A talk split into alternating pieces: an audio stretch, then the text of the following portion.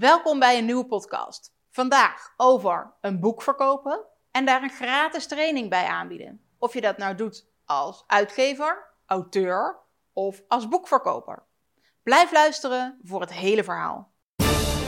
Charlotte, de social media jurist van Nederland.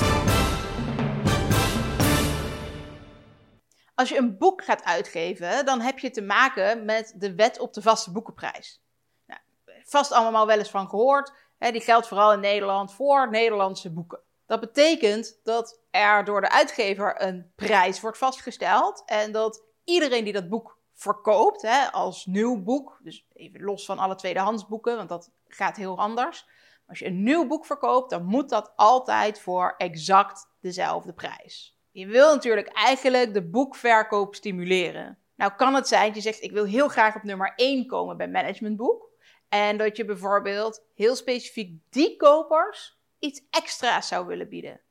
Of meer in het algemeen, je wil de boekverkoop stimuleren en je wil daar een gratis training bij geven. Nou, omdat je dus ook niet zomaar korting mag geven op je boek, zijn hier bepaalde regels aangebonden. Ik ga je uitleggen hoe dat zit. Bij een boek mag je wel nog digitaal materiaal aanleveren. Misschien uh, ken je dat nog, nog wel van vroeger, van schoolboeken, dat daar nog wel eens dan een CD-ROM bij zat of iets dergelijks. Dus je vroeger bij een Vandalen woordenboek ook nog een CD-ROM meekreeg, waar dan ook nog de hele Vandalen op stond. Op die manier mag je dus digitale producten meeleveren. Het gaat erom dat die digitale producten eigenlijk bij dat boek horen. Dat dat één geheel vormt.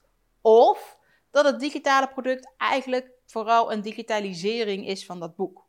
Dus als je een training wil geven, moet dat dezelfde inhoud hebben als dat boek. Hè? Of natuurlijk een kleiner deel daarvan.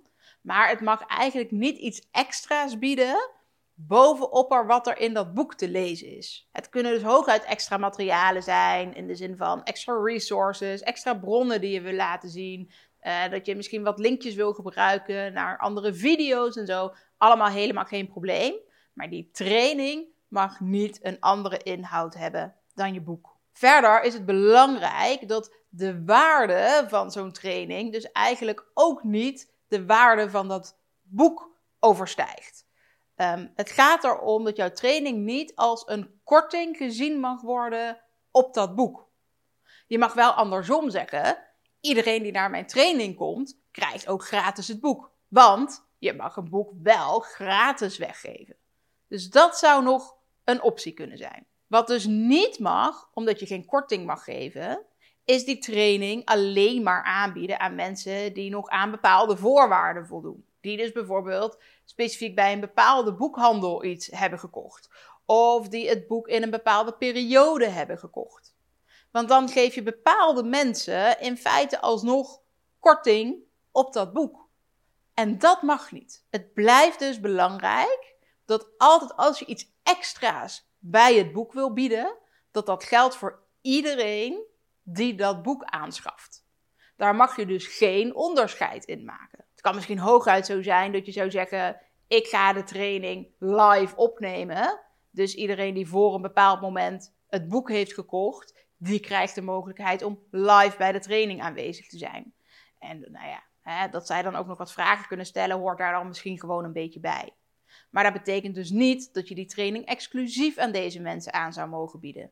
Als je de training gewoon opneemt en vervolgens aan iedereen die het boek gekocht heeft aanbiedt, dan is er niet zo heel erg veel aan de hand. Dus let op dat wat je ook doet en wat je ook extra wil bieden, dat dat nooit een korting op een boek oplevert. Om even aan te geven waar het wel eens fout kan gaan. Christine Leduc verkocht een paar jaar geleden de trilogie van de um, Fifty Shades. Nou ja, past misschien wel bij een winkel als Christine Leduc. Wat deden zij nou? Ze hadden die prijs van dat pakket met, ik geloof, 9 cent verhoogd. Of 99 cent misschien. En wat gaven ze daar vervolgens bij?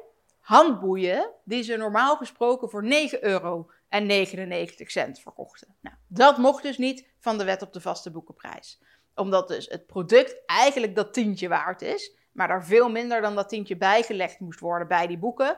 Die twee wel aan elkaar gekoppeld waren, waardoor je dus in feite, uh, nou ja, zeg maar 9 euro korting kreeg op het boek omdat je dus die gratis handboeien daarbij kreeg. En dit is een voorbeeld van een boekhandel, maar ook als auteur heb je daar dus mee te maken.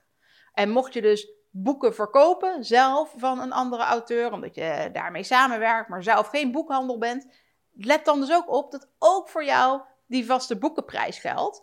En jij dus ook niet zelf iets extra's aan mag bieden, omdat mensen het via jouw webshop of via jouw bedrijf kopen. Dus het maakt eigenlijk niet uit wie het boek verkoopt. Het gaat erom dat het nooit een verkapte korting mag zijn en nooit voor maar een specifieke groep mensen. Als er al iets extra's bijgeleverd wordt, dan moet dat gelden voor iedereen die het boek koopt. Mocht je hier nou nog vragen over hebben, omdat je boeken gaat verkopen, omdat je een auteur bent, omdat je misschien zelf boeken gaat uitgeven, boek dan vooral even een adviesgesprek. Dat kan via www.oploskoffie.nu. En dan spreek ik je heel graag over de wet op de vaste boekenprijs en hoe je hier misschien toch nog slimme oplossingen in kunt verzinnen. Dankjewel voor het luisteren naar deze podcast. Elke week is er een nieuwe juridisch inhoudelijke podcast. Abonneer je via je favoriete podcast app om helemaal niks meer te missen. En dan spreken we elkaar weer volgende week.